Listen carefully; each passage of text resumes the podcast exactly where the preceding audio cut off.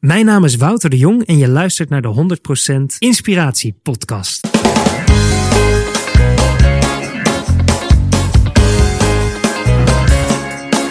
Hey, wat goed dat je luistert. Hij staat weer voor je klaar. Je wekelijkse dosis inspiratie is weer daar.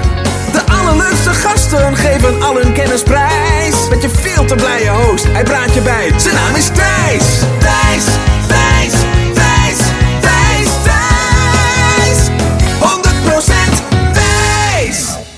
Welkom bij Intens, nummertje 124. En Wouter de Jong, die staat voor je klaar. Of in elk geval een interview met Wouter de Jong, die staat voor jou klaar. Maar eerst heb ik een vraag aan jou. Want heb je al tickets besteld voor de 100% Inspiratieshow? De ticket sales gaan namelijk door het dak. Dus als je erbij wilt zijn, ja, ga dan naar thijslindhout.nl en bestel die tickets. Dan gaan wij elkaar misschien wel zien in Antwerpen, in Hendrik Ido Ambacht, in Valkenswaard, in Almelo of in Houten. Dan snel naar Wouter de Jong. Je kan hem wellicht nog kennen ehm, van zijn carrière als acteur. Onder andere heeft hij Milan gespeeld in GTST. Maar inmiddels is Wouter veel meer bekend als auteur van het boek wat ik nu in mijn handen heb. En dat is het boek Mind Gym. Dit is een hele dikke vette bestseller. In de eerste drie weken hebben ze er al vier drukken doorheen gejast. En dit boek dat zie je overal liggen. Bij de ACO, bij de Bruna. En ehm, ja, als je hem nog niet hebt, dan kun je er nu over beschikken. Want in de outro deel ik een toffe winactie met je. En in de outro van deze aflevering deel ik sowieso de winnaars van alle winacties van de afgelopen maanden. Want ik liep een beetje achter. Nou, snel naar, eh, naar Wouter. In dit interview deelt hij met jou ehm, hoe hij tot dit boek is gekomen. Welke inzichten en tips hij heeft verzameld. En vooral wat zijn eigen visie nu is op het hebben van geluk. Is geluk te trainen? Is geluk een vaardigheid? Ik vind dit mega interessant en dit gun ik jou ook. Daarom ga ik stoppen met praten. Ga genieten van de wijze inzichten en de positieve energie van Wouter de Jong. 100% Thijs. Oké, Box. Box. Tegenover mij, eh, ja, ik kijk in jouw mooie straal, blauwe, stralend blauwe ogen, Wouter. Ehm, en er liggen hier eh, twee eh, boeken voor mijn neus. Een, een blauwe en een, eh, en een gele. Mind Gym Workouts en Mind Gym Sportschool voor je geest. Ehm, dat noem ik expres nu aan het begin van het interview. Want hier ben je denk ik in ieder geval afgelopen jaar voor veel mensen bekend van, bekend mee geworden. Mhm. Ehm, dus ik heb heel veel vragen aan jou over nou, hoe wordt je geest nou fitter? En eh, wat is dan zo'n sportschool voor je geest? Moet je daarvoor ook vroeg je nest uit? En moet je daarvoor een uur gaan zweten? Of heb je het over hele andere dingen? Ondertitel is ook wel interessant. Hè? In twaalf weken meer focus, rust en energie. Mhm. Maar mijn vaste luisteraar die rekent ook wel op een eh, eerste andere vraag. En eh, die ga ik dus nu aan je stellen. En wat wil je worden als je later groot bent? Wat wil ik later worden? Dat ik... Nou, ik, ja, het is misschien een, een zoet antwoord, maar ik, ik zou graag nog een dochter of zoon willen. Ik heb nu een dochtertje, Mooi. dus ik wil, ik wil graag dubbele vader worden. Opa! Nee, ik wil opa worden. Ja, ik wil opa Oké, oké. Even je antwoord aanpassen. Opa, ja. En eh, wat maakt dat, dat dat is wat in je opkomt bij die vraag? Ja, dat, het, het is, het is, ja, als je het hebt over prioriteiten in, in mijn leven, dan is dat eigenlijk de, de grootste prioriteit en hetgeen waar ik eh, ja, het meest warm voor loop. En is dat dan meteen een, een linkje ook, ook zeg maar naar je boek of de inzichten die je hebt opgedaan over het leven? Want je had, je had nu ook kunnen zeggen van ja, dit is een bestseller, maar ik wil tien bestsellers. of Ja, ik nee, wil... het, is, het is wel grappig, want toen ik dat boek schreef, wist ik totaal niet dat het succesvol zou worden. Ik dacht, ga, ik ga gewoon beginnen met een boekje en dan zie ik wel hoe ver ik kom. Ik ga gewoon samenvatten wat ik tot nu toe weet. Maar ik had altijd aan het begin van mijn document, eh, had ik staan de naam van mijn dochter. En altijd dat ik dat even las, omdat ik dacht, de motivatie voor het schrijven van het boek is, is deels ook eh, omdat ik denk, ja, als we allemaal trainen aan een gezonde geest, dan levert dat uiteindelijk ook een gezondere wereld op. Ja. Eh, ook voor mijn dochter en de, de, de generaties na ons. Dus eh, dat is wel een, deels een, een belangrijke motivatie voor mij. Ja, en, en wat maakt dan voor jou persoonlijk dat als je denkt aan de toekomst of dingen die je nog wil bereiken, dat je dan ja, meer dus denkt in een fa- familiaire sfeer, ik wil graag opa worden, dan dat je denkt aan ik wil nog een wereldreis maken, of ik wil nog dat podium staan, of ik wil nog dit bereiken. Ja, het is iets instinctiefs. Ik, weet- Ja? het totaal niet. En hiervoor eh, hield ik altijd van hele rare, gekke dingen doen. En eh, ik heb veel bergen, de Mont Blanc beklommen, dat soort dingen. En dat, ja, dat is een beetje afgenomen, die, die lust. Het is wel leuk, maar dit is, ja, ik kan het niet uitleggen. Dat is denk ik het allerbelangrijkste. Als je het niet kan uitleggen, dan is het zo. Ja. Ja, het is zo. Ja, ik kan niet ja, anders ja, van- ja, waarom vind je dit niet lekker? Weet je wel? Ja, weet waarom ik vind het gewoon niet lekker. Ja, oké. dus, maar misschien ben je wat ouder en wijzer geworden. En, en merk je dat dat geluk hem dus meer zit in, in kleine dingen of in momenten met je dierbaren dan het beklimmen van de Mont Blanc. Ja, hoewel ik ook wel heel veel waarde kan zien in de beklimmen van de Mont Blanc. Dus Dat is waar je betekenis aan ontleent. Maar die, die waar, waar ik dan betekenis aan ontleen, dat is inderdaad meer verschoven naar. Nou, eh, dit is denk ik ook veel duidelijker geworden. Waar ik in het verleden soms, als ik op terugkijk, ook wel soms die, die, eh, die wens had. Bijvoorbeeld dat we wat aardiger met elkaar omgaan. Eh, Zoiets simpels. Als ik dan een theaterstuk maakte, dan was dat vaak een soort onderlaag. Maar dat was nog niet zo helder voor me. Het, het voordeel van dat ik nu wat grijzer ben. Wat je ziet, jij bent niet grijs, hè? Nee, nee, mooie Jij bent helemaal donkerbruine. Nee, ik verf het Oké, niet. nou bij mij is het dus Ja. organisch grijs. ja? Eh, ja, dat het gewoon steeds helderder wordt. Dat het soms gewoon heel simpel is. Bijvoorbeeld zo'n boek of als dit. Of dat het vaak gewoon over hele simpele waarheden gaan. Ja. Die soms heel moeilijk zijn na te leven. Maar dat dat steeds eh, helderder wordt.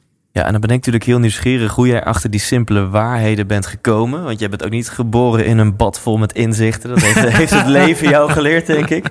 En dan laten we dan een klein stukje terug in de tijd gaan. Want, want oorspronkelijk eh, ben jij soapster Ja. geworden, geweest. Kun Ja. je daar eens wat over vertellen hoe dat is ontstaan? Ja, ik heb altijd gespeeld vanaf mijn twaalfde. Eh, toen ben ik op een gegeven moment eh, mijn rechtenstudie gaan doen. Dus ik ben ook... eh, na mijn rechtenstudie moest ik bepalen van... nou, wat ga ik nou doen? Maar tijdens mijn rechten zat ik in goede tijden. Ja? En toen vroeg ik me af na mijn studie... toen was ik daarmee klaar. Toen dacht ik, ja, ga ik nu jurist worden of acteur? Nou, ik ga gewoon acteur worden. Mhm. Ik ga het toch proberen. Ik wil het al vanaf mijn twaalfde. Toen ben ik naar de toneelschool gegaan. En toen is balletje gaan rollen. Toen heb ik nog eh, vijf, zes, zeven jaar gespeeld. Mhm. Verschillende series en theater. En op een gegeven moment had ik zoiets van... ja, ik, ik weet niet of dit echt iets is wat ik wil. Mhm. Maar ik wist niet zo goed wat ik, wat ik dan wel wilde. Maar ik had wel altijd een hele sterke fascinatie van... Nou, hoe beïnvloed je nou je geest? Ja. En zodoende ben ik eh trainings-coachingsvak opgegaan... en heb verschillende opleidingen gedaan. En dat is uiteindelijk geresulteerd deze, deze tien jaar in eh, dit boek. Ja, en mooi verhaal. En nu ga je al veel te snel. Want dan zeg je in het begin al ehm, dat je op hele jonge leeftijd zeg je, nou, je ging rechten studeren en on the side was je acteur bij GTST. Ja, Ja, dat is iets wat wel meer mensen zouden willen. Hè? Als je het hebt binnen de context van, van acteren. Het is natuurlijk een best wel harde wereld. Hard werken voor, eh, voor weinig of geen geld. En iedereen wil bij de grote musicals en bij de nationale soaps. Mhm. En jij zat daar. Eh, maar je vertelt het haast als een vanzelfsprekendheid of een toevalligheid. Dus ik ben heel benieuwd. Hoe, heb je enig idee hoe dat kwam? Dat, dat jij bij GTST eh, zat? dat ik er terecht kwam. Ja, dat jij er terecht kwam. Ja. Ja, ik, ik, ik speelde al eh, voor de televisie toen ik 13 was, 14. Dus ik deed af en toe al best wel wat gastrollen. En, dus ik heb hem eh, in oppassen ook vaak meegespeeld. Ja. Een soort rode draadlijn en veel filmpjes gedaan. Telejak-filmpjes, oh, dat bestaat niet meer volgens mij. Eh, en dus ik was al heel erg bekend met die wereld. Ja. Dus het was niet een hele rare stap. Eh, dus voor mij was die stap. Dus tijdens mijn rechtenstudie deed ik ook vaak eh, projecten. Ja. Korte gastrollen of filmpjes. Of, Ja, en de vraag achter de vraag is een beetje... wat maakt nu dat er ook zoveel mensen zijn... die, die, die graag acteur zouden willen zijn bij GTST... en het niet halen en dat het jou wel lukte? Oh, zo. Waarom het mij wel lukte. Ja. Ik geloof ook heel erg in time and chance. Dus heel veel is ook gewoon echt geluk. Er zijn zoveel acteurs die, die op zo'n casting komen.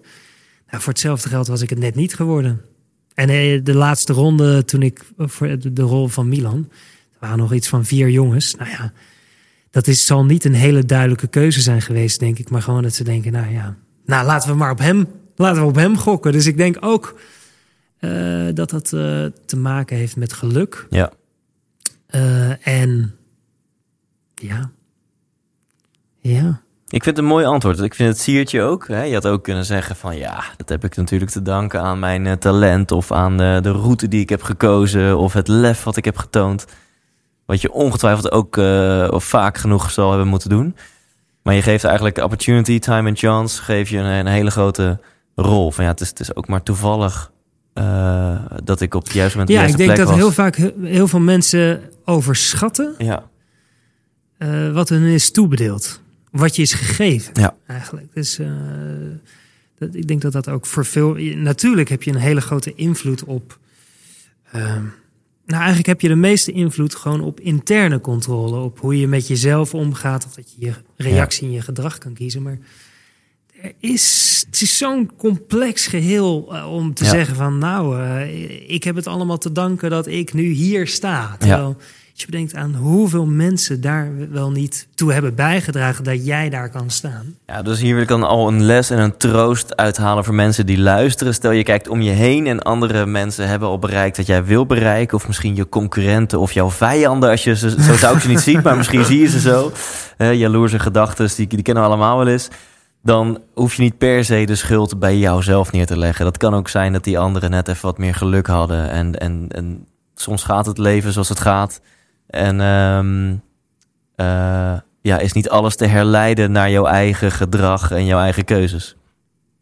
Ja, ja, ja dus eh, inderdaad meer de, de, de, de, de, hele bekende uitspraak... dat je gewoon duidelijk leert zien... Hey, wat, wat kan ik veranderen en wat dien ik te accepteren? Ja, Heel veel dingen in je omgeving... ja, da- daar heb je niet zoveel invloed op. Ja. Of je bijvoorbeeld eh, de casting wordt gegund bij Goede Tijd. Precies. Tijd. Maar goed, jij, eh, de casting werd jou gegund, de rol Ja. werd jou gegund. En, en toen werden toen elke dag eh, de stringetjes en de BH'tjes bezorgd bij jou ik thuis. heb nog meterstringen. Nee, hoor. nou, het is wel zo. Je, je krijgt er inderdaad zoveel vrouwelijke aandacht door. Dat is niet normaal.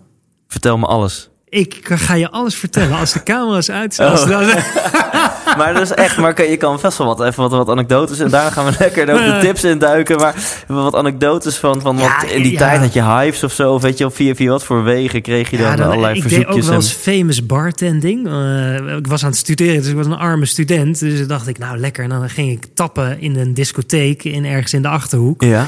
En dan kreeg ik mijn geld. Nou, dan kon ik weer, eh, kon ik weer een maand lang eh, of twee maanden lang... eh, Maar omdat ze jou kenden, kreeg je heel veel fooi. Nou, dat, is, dat heette famous bartendering. En dat was, dan kon je als BN'er... Oh, werd je dan ingevlogen in een of andere kroeg of een of andere feest. En dan ging je biertjes stappen als BN'er. En daar kreeg je dan heel veel geld voor. Dus een hele- Wat een concept. Ja, dat, ik, volgens mij bestaat dat niet meer.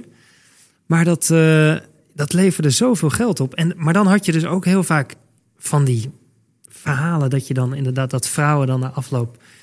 bijna zonder zich voor te stellen... eigenlijk al vroegen van... Hey, ga je zo mee naar huis? Een totaal niet natuurlijke situatie. Normaal moet je als man echt wel wat doen. Ja. Weet je, dan moet je in ieder geval je naam zeggen. Ja, precies.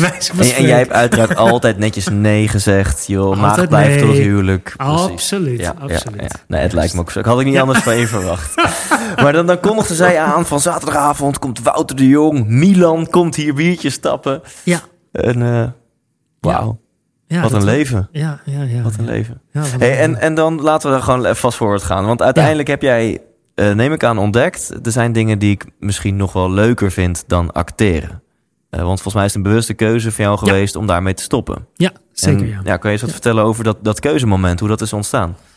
Ja, dat, dat heeft ook te maken. eh, dat was nou, onderhand, denk ik, twaalf jaar geleden. Toen zat ik ook niet lekker in mijn vel. En ik dacht. Ik, ik was ook. Ik plaatste mijn eigen waarde. Die liet ik volledig afhangen vaak van prestaties. Dus ik was een soort wandelende applausmachine.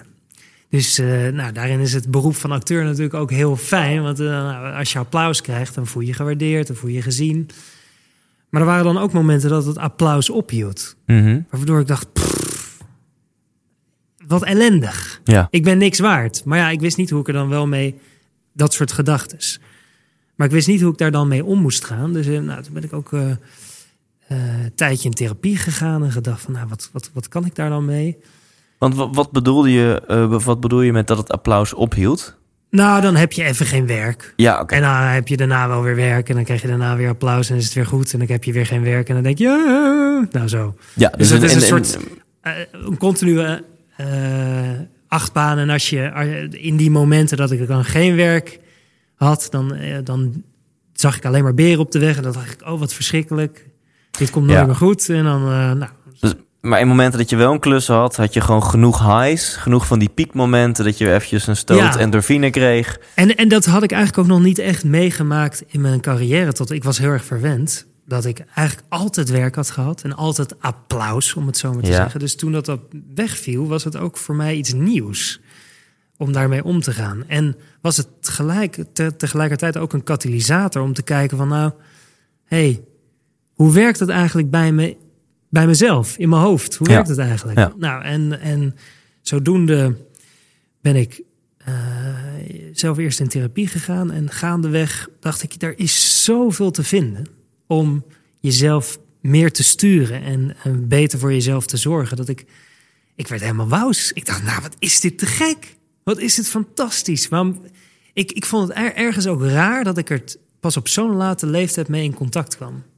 Dat ik echt dacht, waarom is dit niet op de, mij op de basisschool Ja, in een vak meegegeven. Ik vond Ja. het zo absurd dat er nog zoveel eh, te ontdekken en te leren viel op zo'n late leeftijd. Ergens ook geruststellend. Dat ik dacht, nou, als het nog zoveel verrassingen Ja. in petto heeft, dan, dan is het... En, en wat waren een aantal van sowieso heel tof dat je dit vertelt? Dat je dat gewoon, ja, gewoon open en eerlijk vertelt. Nee, ik, aan de ene kant was je, was je eh, BN'er en aan de andere kant zat je eigenlijk, eh, voelde je wel als depressief en ging je uiteindelijk in therapie om, om te ontdekken van wat is het nou en hoe kan ik hier uitkomen?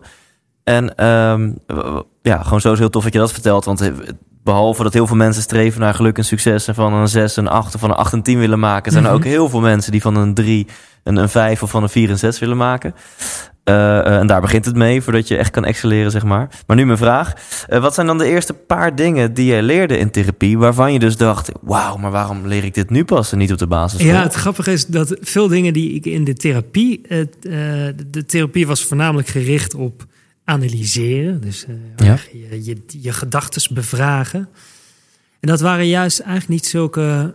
Dat verwarde me eerder, de therapie zelf. Dus ik ben daarna juist op zoek gegaan naar alle manieren... hoe je eigenlijk in, in opleidingen... eh, eh, hoe je je aandacht kan trainen. Dus de therapie zelf gaf, gaf me juist niet zoveel inzicht, maar gaf me juist de trigger om uit te zoeken wat kun je nou met je inzichten. Want ik kon er toen, toen ging ik trouwens al het coaching en het trainingsvak op. Ja, Dus ik kon op een gegeven moment heel goed praten over mijn problemen. Maar ik miste de tools. Hoe doe je dat nou? Ja. Hoe, hoe zorg je er nou voor dat ja, dus je kreeg meer inzicht in wat maakt nu dat ik me soms ellendig voel... maar je kreeg Ja, niet en- concrete tips in hoe voel ik me dan beter morgen. Ja, hoe ga, hoe, ga ik, dat- hoe ga ik die inzichten in godsnaam integreren in mijn leven? Of Ja. als je het puur hebt over eh, emoties. Nou, die, die, ik, voelde heus wel dat er iets raars of iets eh, moeilijks of iets onprettigs was.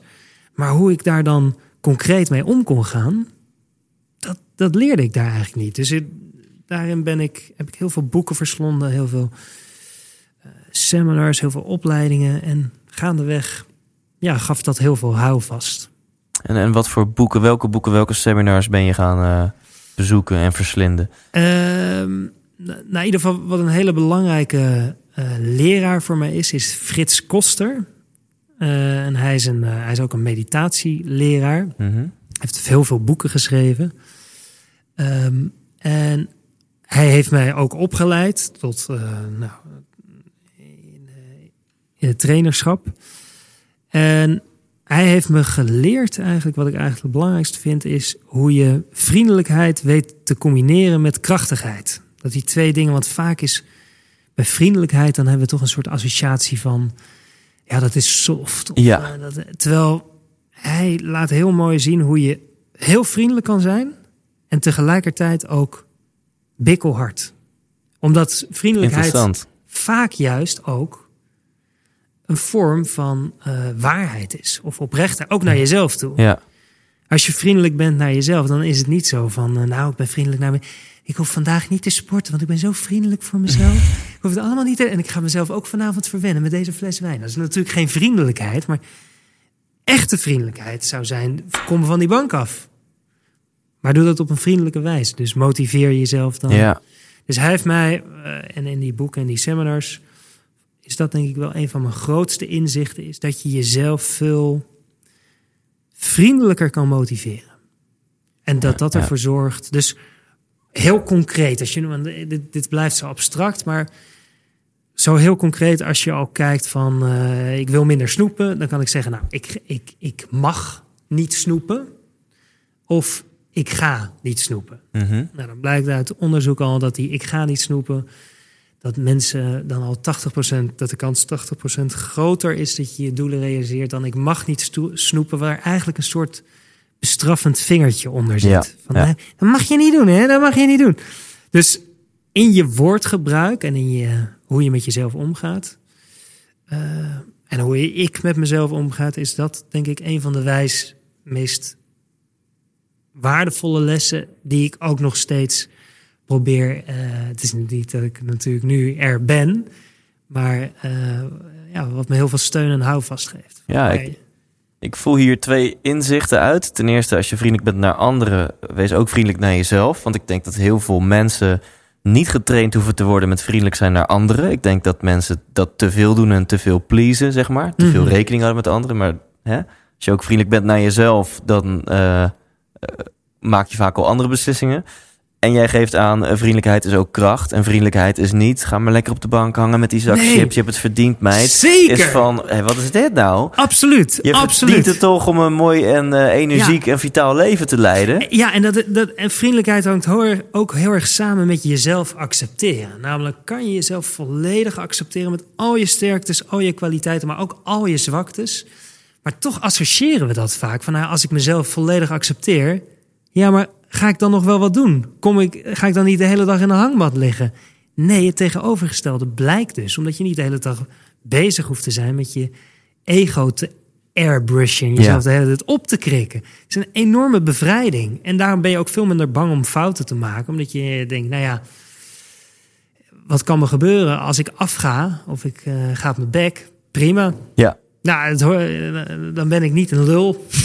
Ja, dus er zit bijna ook dat, dat cliché eh, ehm, inzicht in van ik ben goed genoeg. Hè, dus Ja. de, de- als ik op mijn bek ga of als er dingen fout gaan, dat wil niet zeggen dat ik dan niet oké ben of zo. Nee, en, het, het- en, dat, en daarmee samenkom, eh, samenkomen, daardoor kan je vaak ook veel eerlijker zijn naar jezelf. Dus je Ja. ziet mensen die dat veel minder hebben.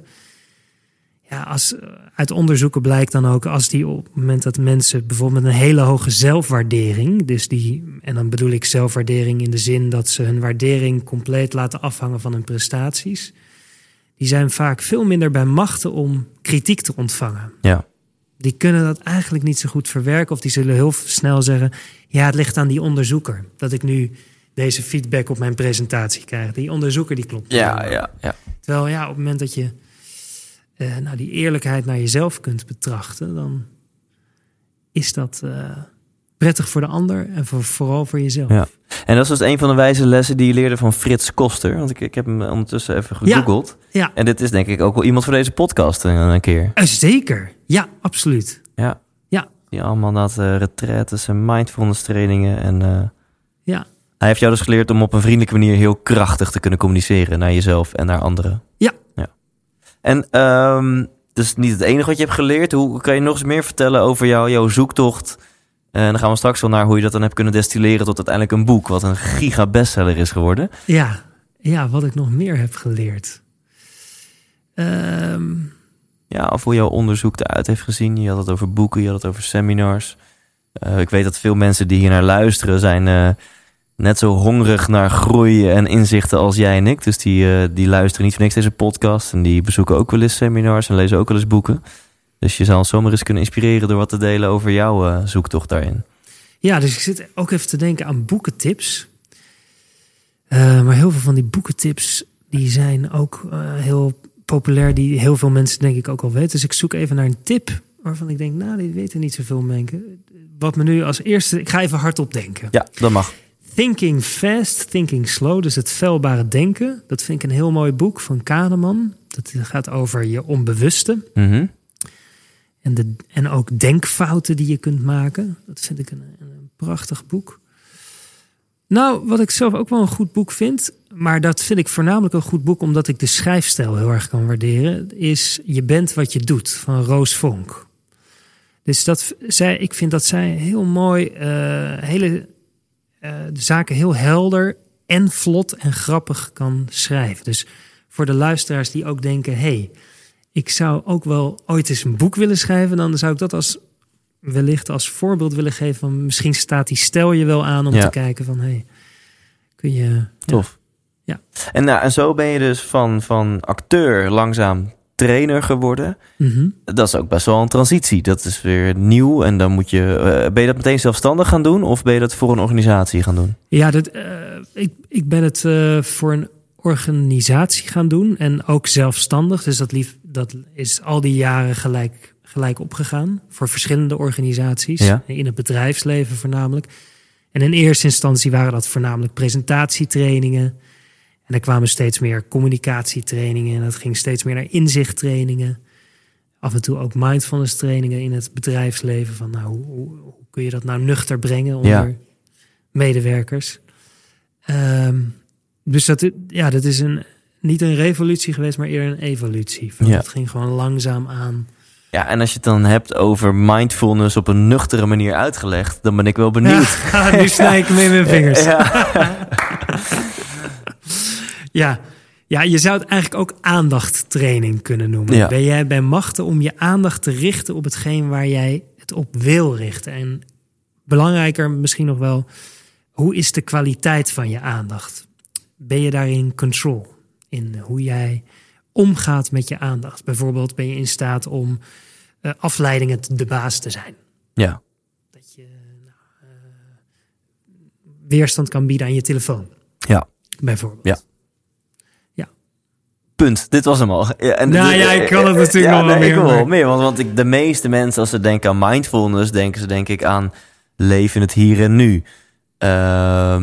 D- ja, dus kan je nog eens wat verder uitbreiden over hoe je dan eh, teams en mensen leerde om, om mindfuller te zijn? Ja, dat was sowieso een lange training. Dus dat was acht weken lang. Ja, eh, acht sessies. En Ja. wij heel veel huiswerk om, om, om dat te ervaren.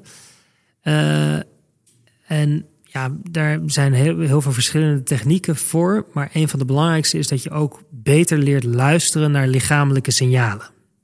Dus ons denken neemt vaak zoveel ruimte in beslag dat we daardoor vaker onbewuster ja. eh, reageren en Ja. meer gewoontes hebben. En door meer je aandacht te kunnen richten op wat je ook fysiek ervaart, heb je, heb je, kun je wat makkelijker ehm, luisteren wat er precies aan de hand is. Dus heel veel impulsen en emoties, die zitten natuurlijk in je lichaam. Dus je hebt veel meer informatie als je daarnaar kan luisteren.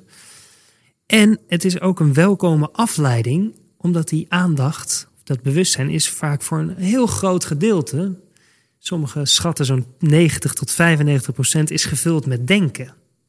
Dus op het moment dat jij je aandacht even kan afleiden naar wat je fysiek ervaart, dan heb je ook even pauze van die wervelwind van die gedachten waar Ja. je dan middenin zit. Ja. En dat creëert op de lange termijn dat je met wat, wat makkelijker, met wat meer afstand naar die gedachten kan kijken, waardoor je eh, meer je gedachten hebt in plaats van dat je ze bent. Waardoor je makkelijker kan kijken van nou, die gedachten wil ik investeren en die gedachten wil ik wat meer laten voor wat ze zijn. Ja. Maar voor je zover bent, nou, dien je eerst, net als in de sportschool, je gaat niet meteen het bank drukken met eh 100 kilo. Je begint gewoon langzaam, je pakt eerst dus een dumbbell, gaat zo even heen en weer. Nou, zo is het ook met je aandacht. Dat ga je langzaam trainen. Ja. Het is niet zo dat je in één keer, baf, hup, erin. Ah, dit resoneert bij mij ontiegelijk. Ik denk bij meer mensen. Want we zitten, ja, vaker kennen we het wel dat we gewoon te veel in ons kop zitten. Mhm. En ehm, wat ik hierin hoor is van, nou, als je, hè, en dat vergt training, maar als je wat meer in je lichaam zit, dan eh, ervaar je er en meer wat je eigenlijk nodig hebt fysiek. Ja. En kun je meer afstand doen van je gedachten. Eigenlijk is in je lichaam is het leven eigenlijk veel comfortabeler en leuker dan in je hoofd. Klopt dat? Ja, of, of ik zou het eigenlijk als een eh NN willen. Ja, oké, oké. Dus ergens is die scheiding natuurlijk ook niet bestaand. Want je lichaam en je geest maken natuurlijk continu een tango. Als je nu aan een citroen denkt of een lekkere, Ja. Een, een lekkere chick, nou dan gebeurt er direct ook iets Ja, lichamelijks. ja. En omgekeerd ook, als jij lichamelijk. Als een lekkere chick aan mij denkt. Ja. dus dat is continu staat het met elkaar in verbinding. Kun je ja. eigenlijk niet loszien. Van En bedoel je ook, ehm, als je de, eh, meer ja, in je lichaam zit of je lichaam voelt, dat je daar dan, en je had het ook over, hè, dan kan je beter horen wat je nodig hebt. Bedoel je dan ook eh, dat je voelt, oh, ik heb nu gewoon behoefte aan een powernap? Want, eh, Ja, of, bijvoorbeeld. Ja, ja dus wat ik zelf een, een, tekenend verhaal daarvoor vind is... als je je lichaam voorstelt als een auto... dan rijden we vaak met 180 op de snelweg. En je denkt, nou, eh, rijden, rijden, rijden, we gaan, gaan, gaan. En soms moet dat. Soms moet je gewoon e- even ergens snel naartoe. Maar stel voor dat nou in die auto begint een, het motorblok... begint het rood lampje te branden in je dashboard. Dus je stopt die auto, gaat aan de kant van de weg staan... En je loopt naar de achterbak van je auto, pakt even een hamertje, loopt weer terug. Kijkt waar dat lampje zit. Je slaat hem uit, start de auto weer en rijdt keihard weer weg. ja. Als je dit zo hoort, denk je, wat absurd. Je gaat toch niet zo met je auto om? Maar dat is zo raar. Dus hoe zuinig we zijn op onze auto, hoe onzuinig we vaak zijn op ons lichaam. Want ons lichaam geeft heel vaak dat soort alarmsignalen af. Maar we slaan het als het ware gewoon in met zo'n hamertje, luisteren in daar en we gaan er gewoon maar door. ja, Terwijl in je auto kan je nog naar de garage brengen. Ja, ja. Dus eh, En dat kan letterlijk zijn met een aspirine of een ander soort medicijnen, maar dat kan ook geestelijk zijn dat je jezelf vertelt van, ah ja, ik ga nog even door. Of nog even dus die, die drie rapporten, of nog even komende drie weken. Ja, of- en daarna. ja, eh, of iets heel simpels. ehm, spanning in je lichaam, in je schouders. Velen van ons merken dat wel, maar pas als de schouders bij de oren zitten. Ja, Dat je denkt, oh ja. Terwijl de truc is, als je dat nou in een vroeger stadium kan merken... en daar dien je dus meer voor te trainen dat je daar gevoeliger voor bent... kun je sneller je gedrag aanpassen. En wellicht ook je lichaam bewust wat ontspannen... zodat je geest Ja. volgt, op het moment dat je dat doet. Maar je wil dat in zo'n zo vroeg mogelijk stadium kunnen herkennen. Niet als het al te ver ja. En hoe zou je dat kunnen trainen? Ehm, Ja, dus mensen die nu luisteren denken, nou ja, dit Ja, om, resoneert om, wel. meteen, om, om, meteen, eh, om het meteen heel concreet te maken.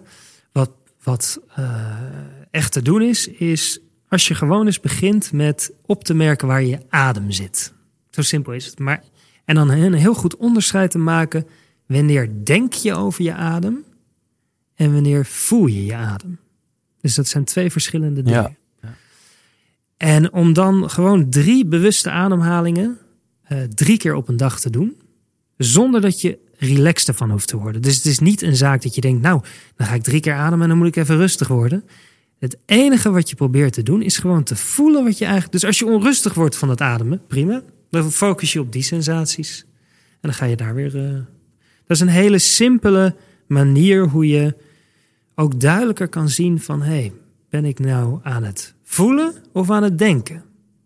En dat is al een heel belangrijk bewustzijn Ja, als je ja. doorhebt wanneer wat gaande is. Dat je er makkelijker op in kan spelen.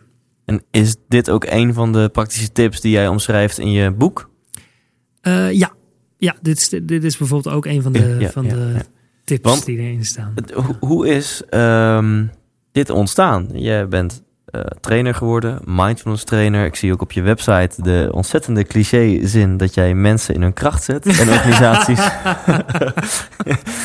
Ehm, Mooi. en ehm, ja, op een gegeven Yeah. moment is een uitgever naar jou toegekomen of jij naar een uitgever en dacht je, nou, misschien heb ik wel genoeg inzichten verzameld voor een boek. Ja, ja dus in, in al die opleidingen die ik heb gedaan, dacht ik altijd van ja, over alles wat erin staat. ehm, nou, laat ik zeggen, de, de opzet van het boek is het breincircuit. Namelijk hoe je een gelukkig brein kan trainen. Het blijkt dat je vier onafhankelijke breincircuits kan trainen. Dat is aandacht, veerkracht, positiviteit en altruïsme. Dat is een duur woord voor kun je iets voor, ander, iets voor iemand anders doen zonder iets terug te verwachten. Eigenlijk een vorm van vriendelijkheid. Nou, dus hoe meer je die vier circuits traint, hoe gelukkiger je brein. Het boek, de opzet van die twaalf weken, die beslaan die vier circuits. Ja. Uh, en ik dacht, ja, de, over al die losse circuits zijn uh, boeken vol over geschreven, maar er is nooit een totaalprogramma. Dus ik dacht, er moet een totaalprogramma komen met de vergelijking met een sportschool. Want je kunt, ja, dat is, is precies hetzelfde als trainen in, uh, in de sportschool. Kun je ook, je, net als die, die hersenkwabben, kun je die dikke pens. Ja. net als je dikke pens traint, kun je ook die hersenkwabben trainen. Dus vandaar dat ik dacht, nou dan. En mijn bedrijf heet al Mind Gym. Ja. Dus uh, 1 plus 1 was 2. Ja, het is natuurlijk een ijzersterke naam en een ijzersterke vergelijking die je daar legt.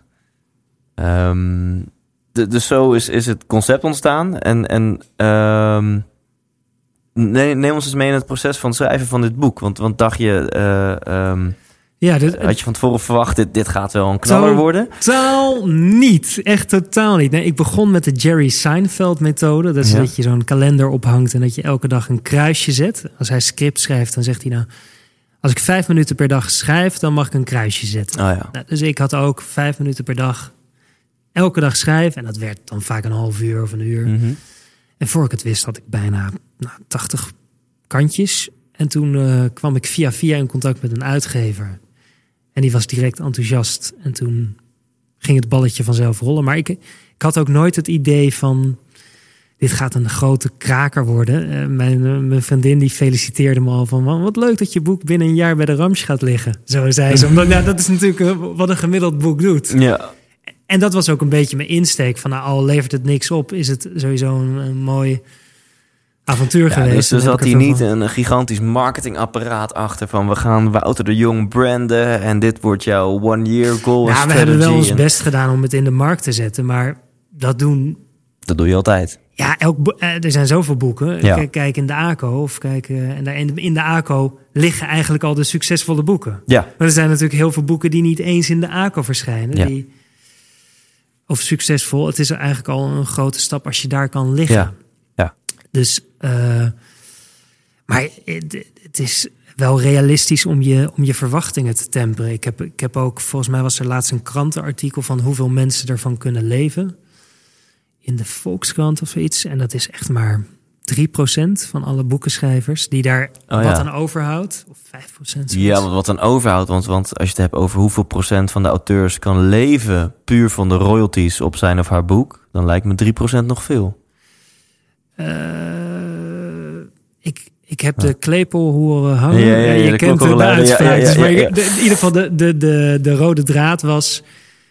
Wil je geld verdienen, schrijf geen boek. Nee, nee, nee ja, je, boek kan een heel mooi eh eh, vehicle, een hele mooie katalysator zijn om vervolgens met andere dingen geld te verdienen. Ja, zeker. zeker. Ja. En dat was, het, het- het- dat was eh, ook een motivatie van... Nou, dat ga- gaat me ook meer makkelijker ehm, eh, connecties opleveren.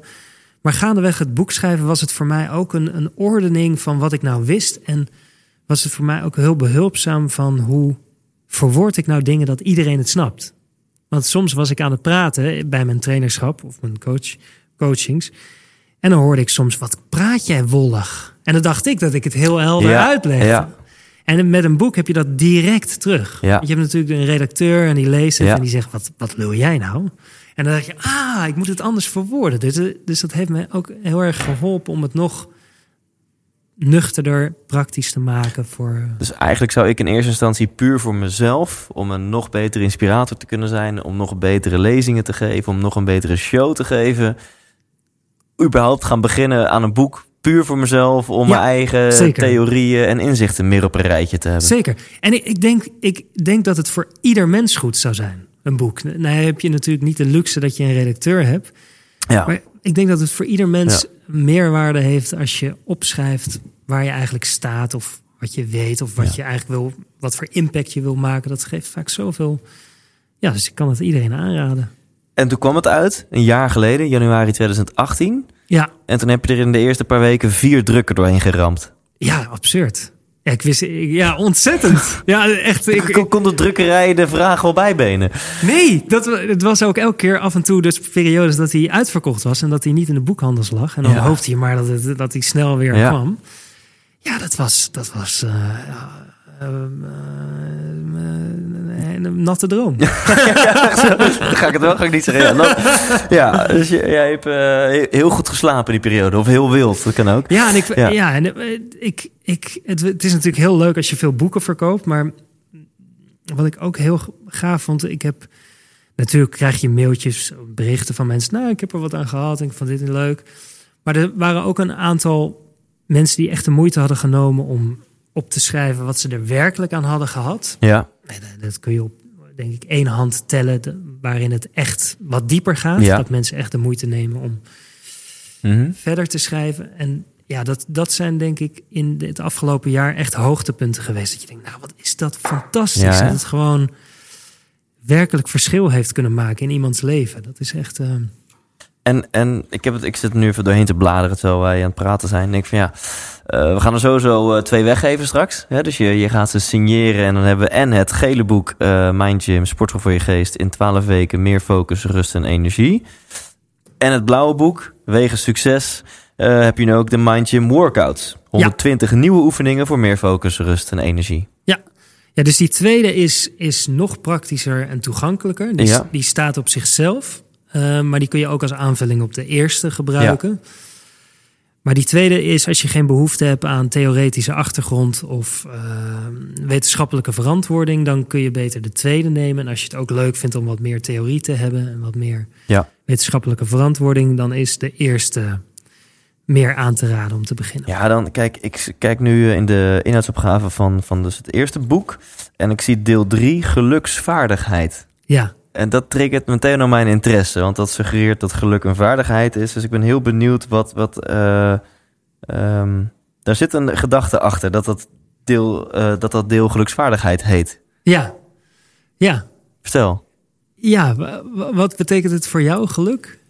Wat geluk voor mij betekent. Ja?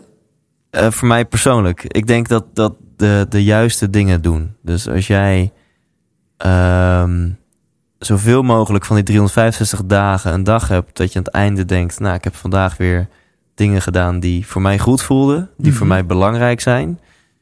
En dat dan aangevuld met de juiste mensen. Dat is voor mij een, eh, een hele belangrijke voorwaarde van geluk. Dus ik probeer het op die manier ook zo specifiek mogelijk te maken, zeg maar. Want, want eh, termen als geluk en succes zijn eigenlijk heel vaag en niet concreet en Ja. heel ver weg. Ja. En hoe kun je zoveel mogelijk dagen een leuke dag hebben, Ja. klinkt wel wat concreter. Ja. En dan helpt het natuurlijk ook om wel in de bigger picture je geld te verdienen met dingen die Ja. jou energie geven. Om in de bigger picture of het algemeen met mensen om te gaan die jou energie geven. En als cherry on the cake dat je nog iets in je leven doet, zakelijk of privé, waar je iets van betekenis of zingeving uithaalt. Ja. Eh, dat, dat, dat is het voor mij persoonlijk. Op dit moment, als je me volgende week interviewt of over een jaar, komt er misschien weer een ander eh, Ja. antwoord uit. Ja, geluk, geluk is ook een, een, een lastig woord. Hè? Ja. Van, je associeert het, sommigen associëren het alleen maar met positieve emoties, van dat je alleen maar blij voelt. Ja. Eh, en eh, in het boek doe ik meer van, hey, ben je je mindset? Van hoe kijk je eigenlijk tegen de dingen aan? En eh, daarin kun je zelfs ook geluk ervaren, juist in de meest moeilijke omstandigheden. Om, om dat te kunnen trainen. Van hoe Ja. kun je zelfs in, als het zwaar weer is, een gelukkige mindset behouden. Ja. Dus geluk is dan niet zozeer de afwezigheid van, de, van problemen, maar meer eerder je vermogen ermee om te kunnen gaan. Mooi. Mooi. Dus jij zegt eigenlijk geluksvaardigheid is de vaardigheid om geluk te kunnen ervaren, ongeacht je omstandigheden. Geluk zonder reden, zou je Ja. kunnen zeggen. Gelukkig kunnen zijn zonder reden. Zonder dat je eerst een, een, een, eh, loterij eh, Ja. hoeft te winnen of een aantal likes op Facebook te hoeven halen. Een van de allereerste mensen die ik interviewde was Mark de Hond. Eh, Hmm, is, ken ik, is- ja. ja. ehm, hij heeft natuurlijk iets heftigs meegemaakt, namelijk dat door een operatie heeft hij een dwarslesie gekregen. Mhm. En toen was hij een theatervoorstelling aan het maken daarover. Die heette oorspronkelijk Gelukkig ondanks mijn dwarslesie. En uiteindelijk heeft hij ervan gemaakt Gelukkig dankzij Oh, mijn dwarslesie. Natuurlijk een hele mooie verandering. Ehm, ja, welke vraag komt hier dan uit voort? En ook van ja, ik, ik, ik hoor wat je zegt, zeg maar. Van, eh, aan de ene kant is mijn mening dan, is het mooi om absoluut ook dat leven zo te craften zoals jij dat wil. Weet je wel, leef je droom, uh, waag het een, een, shot, waag het een paar kansen. Ja. Uh, en aan de andere kant, laat je geluk er niet van afhankelijk zijn. Zorg Ja. ervoor dat je ongeacht je omstandigheden geluk kunt ervaren. Zeker, ja. En, en wat ik zelf een, een, een, een leuke quote daarbij vind, waar ik zelf nog een soort voetnoot aan heb geplaatst, maar dat is: geluk is te willen wat je hebt. De snelste formule naar geluk is te willen wat je hebt. Ja. Maar dat klinkt ergens ook te makkelijk. Je denkt: oké, dan wil ik wat ik heb. En dan? Ja. Dus de voetnoot die, die ik er voor mezelf aan heb geplaatst is met de ontspannen wens tot groei en ontwikkeling. Maar vooral met het woordje ontspannen. Dus kun je Ja. wensen of de, de wens tot groei en ontwikkeling hebben zonder dat je krampachtig denkt, nou het moet dat resultaat opleveren of het moet specifiek daarheen gaan. Ja. Dat, je, dat je vanuit acceptatie van je huidige moment, eh, ja, jezelf toewenst te mogen groeien. Ja, en dan zeg maar als, als mede-geluksonderzoeker vind ik het dan heel interessant. Ja, dat klinkt dan weer zo mooi. Hè? Van nou ja, geluk is willen wat je hebt. Je hebt natuurlijk ook zo'n mooie zin van succes is eh, krijgen wat je wil. En geluk is willen wat je krijgt. Dat is eigenlijk natuurlijk het, het, het- hetzelfde. Ehm, maar ja, werkt dat ook voor iemand die eh, 60 uur per week eh, accountant is en dat echt geen reet aanvindt? En eh, hij, hij moet wel werken, want hij heeft het geld nodig voor zijn, voor zijn, voor zijn gezin, voor zijn kids. En hij heeft ook geen leuke collega's, dus echt 60 uur per week is gewoon helemaal kut. Kan zo'n Ja. persoon, ja, maar wil nou eens wat je hebt. Wil nou eens wat je krijgt. Ja, dus en dan zal je je gelukkig voelen. Wer- Ja, werkt dat? Ja, dus juist bij zo'n persoon is, is eh, de acceptatie van de situatie waarin die zit extra belangrijk. Maar met de ontspannen wens tot verandering. Niet dat hij juist, eh, dus eh, je hebt een uitspraak van Carl Rogers. Dat de paradox is dat als ik mezelf volledig weet te accepteren, dan pas verander ik. Dus bij wijze van spreken, je bent aan het afvallen. Maar ergens zit daaronder zit de motivatie. Nou, ik ben niet oké, maar ik ben pas oké op het moment Ja. dat Ja, ik mooi. eh 60 kilo weeg. Dan pas kan ik gelukkig zijn. Nou ja, als je 60 bent, als je 60 kilo weegt, dan ben je wel weer ongelukkig om iets anders. Dus op Ja. het moment dat die persoon zich weet te accepteren dat, het, dat hij 90 kilo weegt en vanuit die eh, basis aan zichzelf gaat werken, is de kans veel groter dat hij realiseert dat hij uiteindelijk 60 kilo weegt en gelukkig is Ja. in de hele reis er naartoe. Dus juist die accountant is denk ik extra gebaat bij... oké, hier sta ik nu, hier heb ik nu mee te dealen. Hoe kan ik hier dan nog 1% meer geluk ervaren? Wat dat dan ook is. Eh, en dat is denk ik ook om, om het meteen concreet te maken. Want dit klinkt weer allemaal best wel abstract. Maar ze hebben een zin, opge, eh, ze hebben een zin onderzocht onder Fortune 500 bedrijven. En dat is de zin, de vraag: wat maakt je gelukkiger in dit moment? De helft van de werknemers kreeg die vraag, echt onder tienduizenden mensen. De helft van die werknemers kreeg de vraag mee en werd er dagelijks aan herinnerd. Met ook de uitnodiging: denk er dagelijks aan. En de andere groep niet. En na een half jaar. En, en, bleken- en wat was de vraag? de vraag was: wat maakt je gelukkiger op dit moment? Oké. Die neem je mee. Maar weer wel vanuit de acceptatie van het huidige moment. Want als je denkt, je zit binnen en je denkt, nou wat maakt me gelukkiger in dit moment in dit kantoor is buiten in de, op het strand liggen met een cocktail. Dus het is wel constructief Ja, eh, de ja. vraag beantwoorden. Dus zo'n simpel vraagje als wat maakt me gelukkiger op dit moment heeft een enorme impact. Alleen we vergeten het vaak in de waan van de dag. Want de groep mensen die dat elke dag, die er elke dag aan werd herinnerd. Die was de, significant gelukkiger, ervoor meer kwaliteit van leven en ook meer zingeving in Mooi. hun werk.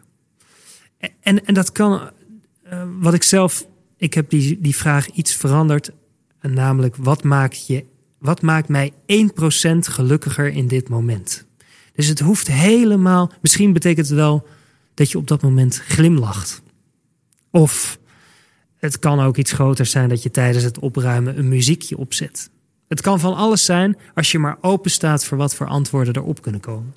Dus terug naar het voorbeeld van die accountant of diegene die wil afvallen. En dit zijn natuurlijk specifieke voorbeelden. Dit gaat natuurlijk totaal niet over de luisteraar. Hè? We hebben het alleen over accountants of mensen die willen afvallen. Ja. Nee, we kennen allemaal dit soort dingen. En, en Ja.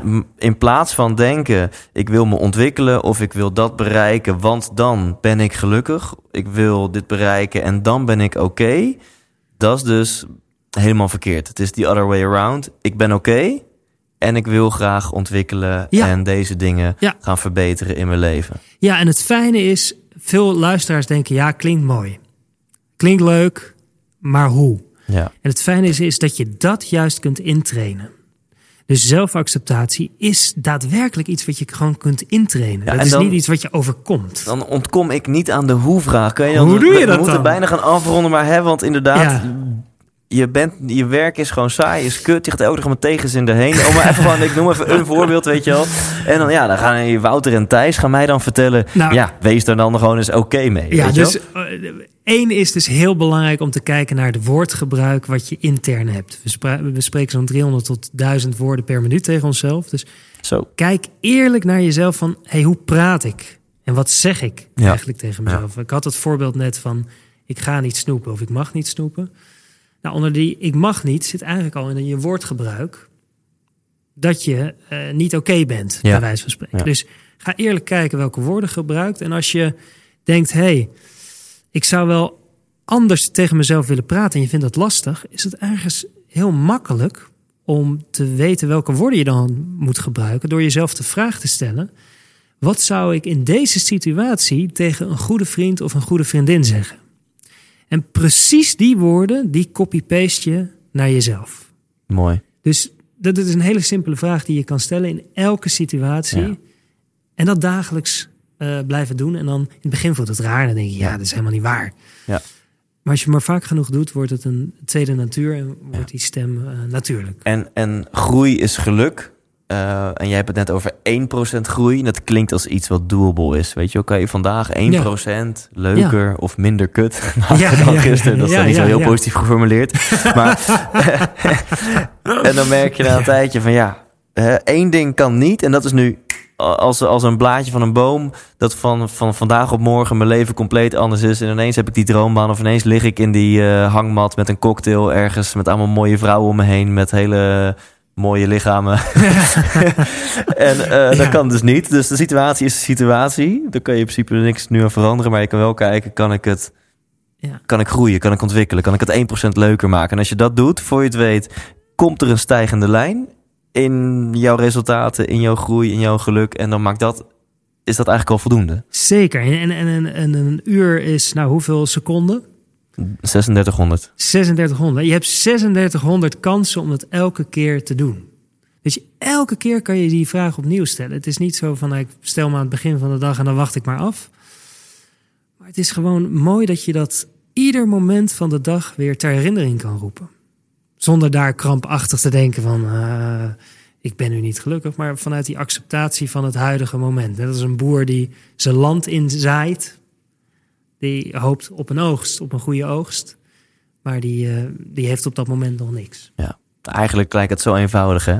Ja, Het, het, het leven is wat het is. ja, En je hebt het altijd in de hand om het 1% beter te maken. ja. ja, het lijkt zo eenvoudig, maar het is net als in de sportschool iets wat je moet blijven onderhouden. Ja. Kijk, ik niet. Ik ben al helemaal verlicht. ja, precies. Dat is- ik, eh, eh, je hebt toch ook posters nu die je boven je bed kan hangen met wat zou Wouter doen? ja, ja, ja, ja. Dat wordt mijn volgende. WWWD. Wat zou Wouter doen? Ja. What would Wouter doen? Ja, ja, heerlijk. Bedsheets en alles. Met, Eh, we moeten helaas gaan afronden. Ben je klaar voor het onderspot gedeelte? Eh, let's do it. Ja, let's fucking go for it. Oké, komt-ie. Ochtend of nacht? Nacht. Bestuurder of passagier? Bestuurder. Ferrari of Tesla? Tesla. Poetin of Trump? Ah, lastig!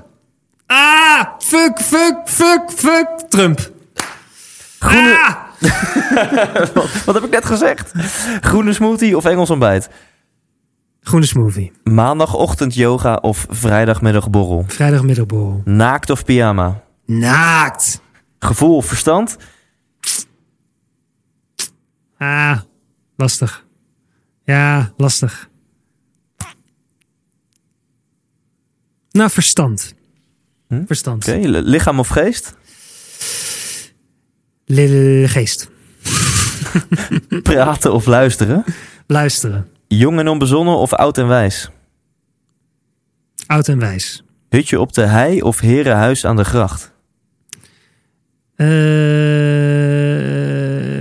ja, Herengracht, denk ik toch wel. Ja. Oké. Klassieke muziek of death metal? Klassieke muziek. Nooit meer seks of nooit meer muziek? Nooit meer. Nee, nooit, ik, wat, even kijken hoor. Ik moet dus zeggen dat ik me niet in een. Ik wil nooit meer muziek, maar ik wil wel altijd nog seks. Ja, oké. Dat is helder. Ik werk helemaal. Ik kreeg bijna een blackout. Dames en heren, laat dat even duidelijk zijn.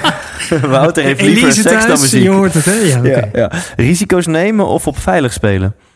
Risico's nemen. Geld maakt gelukkig of geld maakt ongelukkig? Eh, geld, ja, de cliché van geld maakt gelukkig eh, tot op zekere hoogte. Nederland uit en er nooit meer in? Of Nederland in, maar er nooit meer uit? Oh, die is lastig. Kun je die nog één keer stellen? Nederland uit en er nooit meer in? Oh, fuck Of in Nederland blijven en er nooit meer uit?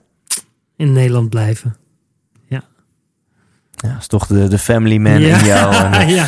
de laatste één dag koning of één dag weer kind. ja. Eén dag weer kind. Mooi. Ik denk dat één dag koning is volgens mij nog maar één keer gezegd van alle 100 plus. eh, Oh, wat grappig. Ja. Het zijn altijd dezelfde vragen. Ik, ik varieer wel eens. Ik sla het ook wel eens over. Ehm, ehm, maar ehm, er is dus zeker gebrek aan creativiteit op de redactie van de 100% Inspiratie podcast. want dit lijstje gebruik ik al drie jaar. dus is zijn eens leuke aan, eh, vragen. Dus, Ja, dankjewel. Ja. Eh, Trump of Poetin? dan zeg ik ook Trump, want het, het is een, in zekere zin een asshole die zeker op het gebied van klimaat, wat mij echt aan het hart gaat, dingen verspreidt waar je gewoon eh, lichtelijk agressief van wordt. Ja. Eh, maar dan denk ik echt als persoon dat, dat Trump een minder naargeestig persoon is dan Poetin. Ik Ja. denk echt dat Poetin zonder blik of blozen mensen door hun kop schiet of laat schieten. Ja. En dat, dat ik denk dat dat bij Trump niet zo extreem is als bij Poetin. Ja. Ja, Ja, ja, leuke. Ja. zeg maar. Ehm, ja, tot slot, dat is natuurlijk altijd de allermoeilijkste vraag, maar hè, is er nog één ding vlak voordat wij jou laten gaan, eh, wat je de luisteraar wil meegeven? Eén, één, één stukje wijsheid van, van Wouter waar we dan eh, weer mee verder kunnen. In elk geval tot volgende week maandag, want dan staat er weer een nieuwe aflevering online. Nou, ik geef je de komende 10 minuten na deze, na deze sessie, geef ik je 10 minuten vakantie. Dus zie je de komende 10 minuten na deze podcast, als je hem uitzet, dan heb je daarna even 10 minuten vakantie waarin je even niks hoeft. Alsjeblieft. Dat is een cadeau. Free format, dus zeg niet... Je hoeft helemaal niks te doen, maar je mag ook iets doen wat je lekker vindt. Maar het is echt even 10 minuten. Gun het jezelf de komende 10 minuten even helemaal eh, ni- niks te doen. Of desnoods, eh, ik weet niet wanneer je dit kijkt, eh, misschien hou je wel tijd voor Max. Ja. Ja, weet je dan, dan, dan plak ik gewoon, eh, hierna komt nog een outro en daarna plak ik gewoon 10 minuten stilte. Oh, dat is een goeie. Dat is een goeie. Ja? En in die 10 minuten stilte doe je lekker waar je gewoon zin in Ja. hebt. Lekker zeg. Dus of dat nu furieus masturberen is, of eh, de uitzending gemist Utopia kijken, of iets liefs doen. tegen je partner zeggen, of je gaat je mailbox opschonen, of eh, weet ik veel wat. Ja. Mag allemaal. Het mag allemaal. Ja. 10 minuten vakantie. Nou, te gek. Dankjewel Wouter. Heel tof. Alsjeblieft. Thanks.